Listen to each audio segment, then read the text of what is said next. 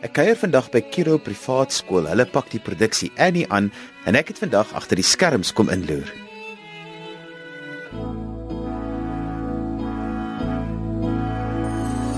Maybe far away,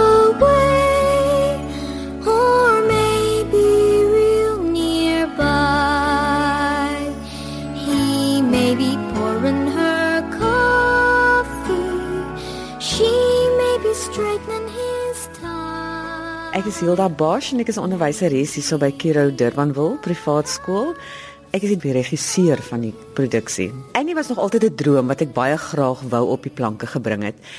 Um ek voel dit het baie beteken vir die kinders in die skool want omdat hulle uit 'n meer gegoede gemeenskap uitkom, is hulle nie altyd in voeling met wat in die werklikheid op straat gebeur nie. En ek dink die kinders het uh, regtig aanklank gevind by die weeshuis. En ons het ook 'n bietjie geskiedenis gedoen omtrent die produksie wat afgespeel het in die 1930s waar dit die depressiejare was.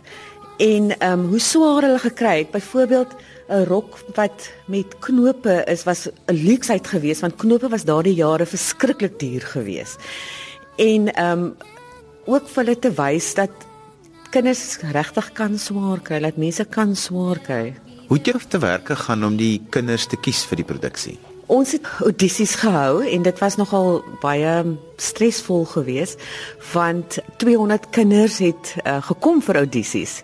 Hulle was baie opgewonde geweest. Ons het vir hulle 'n boekie gemaak met al die gedeeltes wat hulle moet leer en vooraf gegee en ons het ongelooflike talent in die skool. En toe het hulle gekom vir die audisies en ons het 3 dae gesit om siftingprosesse te doen en toe het ons hulle teruggeroep uh, op die ou end het ons 40 teruggeroep en weer geluister en dit is maar die proses wat ons gevolg het. As straight as a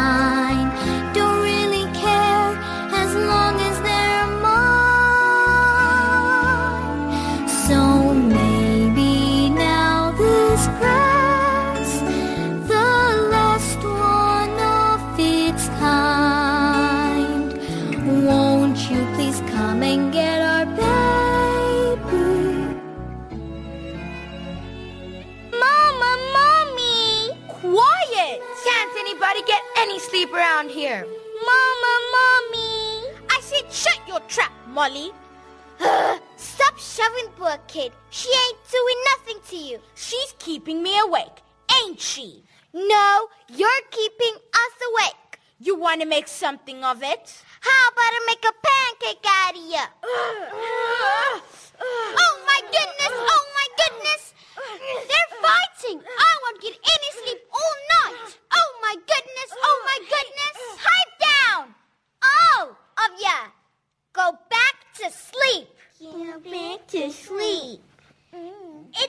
Molly. Annie's here. It was my mama, Annie.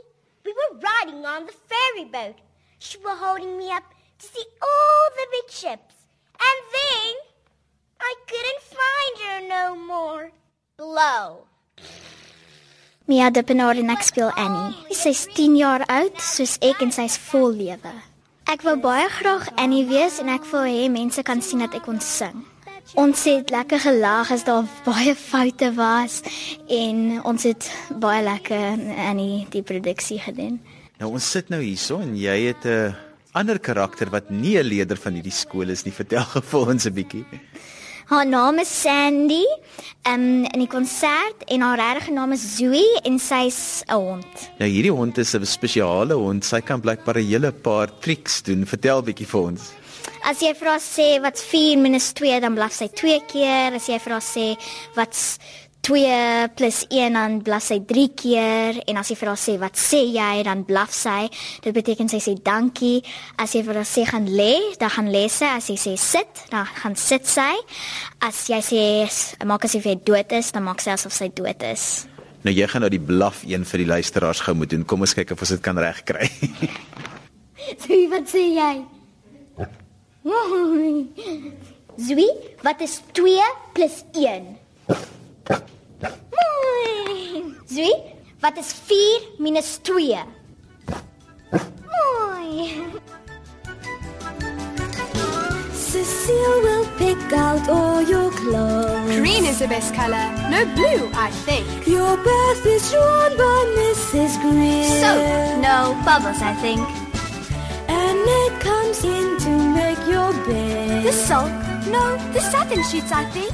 I think I'm gonna like it here. When Um, ek's Nicolou en ek speel Mr. Oliver Warbucks. Um hy's 'n man wat uit 'n baie arm familie gekom het. Hy was hy het baie arm groot geword en hy het vir homself 'n belofte gemaak dat hy eendag baie ryk gaan wees. En nou omdat hy so baie geld het, is hy nie heeltemal gewoond daaraan nie en hy dink hy moet nors wees en sy hele lewe draai eintlik om geld. En toe kom Annie en toe wys sy eintlik vir hom sies gevoelens wat hy nie geweet het hy het nie en toe raak hy los en toe raak hy meer lief vir haar en dis hoekom hy aan die einde vir haar graag wil aanneem. Nou jy's een van die leerders wat 'n uh, volwassene moet speel. Ja, dit voel baie anders is nogal dis nogal moeilik op party dele. Ek moet hulle almal hanteer asof ek is groter as hulle is en meer belangrik is. Dis my nogal moeilik.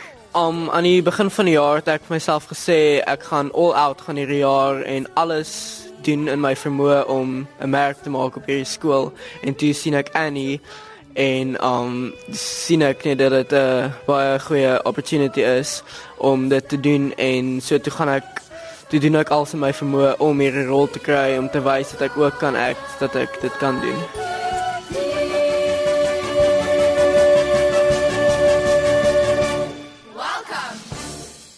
Where is everybody? Welcome home, sir. Did the painting arrive? They're just uncrating it, sir. I don't like it. Send it back. Any messages? Yes, President Roosevelt called three times this morning, sir. He says it's very urgent. Everything's urgent to a Democrat. What else? Mr. Rockefeller, Mr. Vanderbilt, Mr. DuPont, Mr. Vikroniki. Wait! There's something interesting in that woman's smile. I might learn to like her. Hang that in Ek my is Greiling en ek speel die rol van Grace Farrell. Sy is die sekretaresse van 'n biljoenêr wat baie nors is, maar sy's 'n baie vriendelike mens en sy's baie bymekaar en sy weet presies wat om te doen, wanneer om dit te doen en sy's baie lief vir kinders. Wat is die uitdagings vir jou gewees in die stuk sover? Om op hakskoene te loop omdat Wobak soveel langer is as ek en om daarin te kan dans om op dieselfde tyd te dans en sing, maar op die einde was dit nie so moeilik nie omdat die juffrouens ook so baie gehelp het. Toe jy nou gehoor het jy gaan hierdie musical doen. Hoekom het jy kom audisie doen? Omdat dit my laaste jaar in laerskool was, wou ek soveel goed as moontlik doen en almal het ook gesê dat as jy deelneem in so musiekblyspel gaan dit vir ewig by jou bly. Jy het nou net 'n verwys bietjie na die hoek skoene wat jy moet dra. Vertel bietjie my van die kostuums wat jy gaan dra. My kostuums is baie oudtyds kan mens sê. Ek dra vir my eerste keer so stywe rompie en nou moet ek op die trappe loop wat dit nog moeiliker maak. Maar dan op die einde dra ek hierdie beter kan mens sê kostuums. Hulle moet baie netjies wees omdat sy 'n netjiese persoon is en ek moet heeltyd hakskoene dra. Nou Annie se musiek is nie heeltemal die musiek waarna jy luister elke dag nie. So hoe het dit vir julle gevoel om hierdie musiek te sing?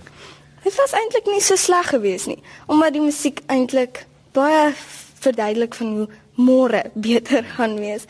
En dit is eintlik baie baie vriendelike en goeie musiek en ek hou nogal daarvan. It ain't fair how we scrounge for free of four bucks while she gets more bucks. The little brat. It ain't fair. This your life is dry. Ek is Vincent Raubenheimer en ek speel die rol as Rooster.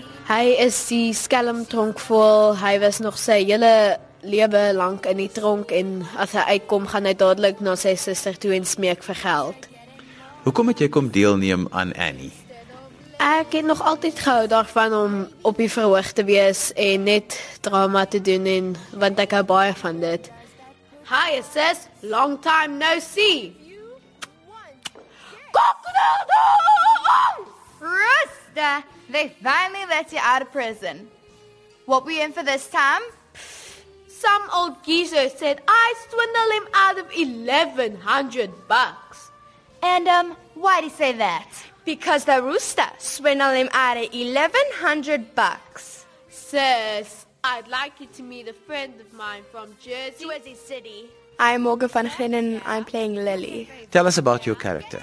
Ooh, how where to start? I am not a very posh person to say. My boyfriend is a thief, so that explains a lot. Um, I did think I am very well table mannered. Now, with your accent, do you change your accent when you play this role? And please do a line or two so that our listeners can hear your accent. I have to change it a little bit, uh, just one line. Uh, for instance, I have to tell Miss Hannigan where I come from, and I have to go Jersey City, so it's a little bit difficult to change it the whole time. Because I know when you have to change your accent, it's quite difficult and challenging to keep it through the whole play. Yeah, I guess the the characters around you help it a little bit. You just have to keep rehearsing, and then you get it. It sticks. Get up! Get up! Turn around. I said turn around. There. Now, what do you say? What do you say? I love you, Miss Hannigan. Rotten orphan. I am not an orphan. My mother Uh, my name is Kiara Dicavea, and I'm playing Miss Hannigan. Um, I really love drama and acting, so I was really excited. So yeah, I play Miss Hannigan. Um, she always wanted to be famous, to be a star, but when that failed, she decided she needs to make money, so she opened up an orphanage, even though she's not too fond of children.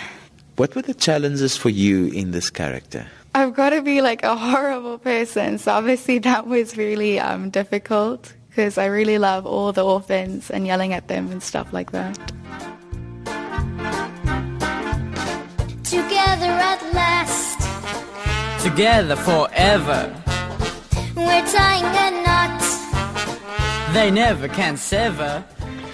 Daar gaan baie ure in so 'n produksie in. Waar begin 'n mens met hierdie kinders te oefen?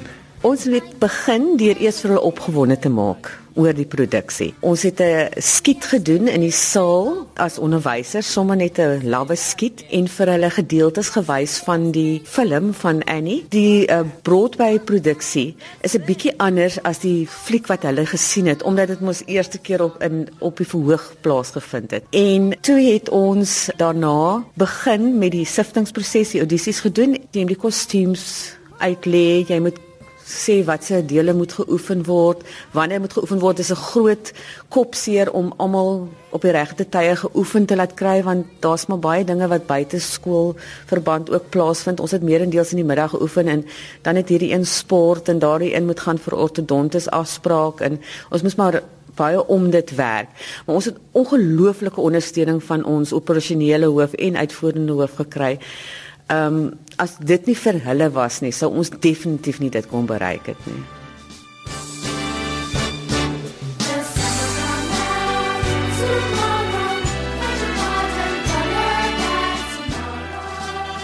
Wat vir my ongelooflik van Annie is, sy het geen professionele opleiding in sang of in drama nie. Sy is net 'n natuurlike aktrise en sy's maar 10 jaar oud.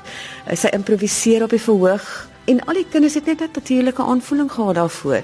So wat miskien gehelp het vir ons, ons het hulle sterkpunte gebruik en daarbey het ons probeer om daarom te werk. Want elke dag dink jy dit is nou fantasties en dan kom hulle môre net met nog 'n ander uit en nee sit dit in, sit dit in. So dit is maar net lekker geweest om met hulle te werk. Hilda met skoolproduksies is ek altyd verbuisterd met die hoeveelheid mense wat julle oor verhoog vat. Vertel gou-gou hoe groot is hierdie produksie? Aangesien dit 'n Broadway produksie is, het mense eintlik mos nou maar net genootsaak om die hoofkarakters te gebruik.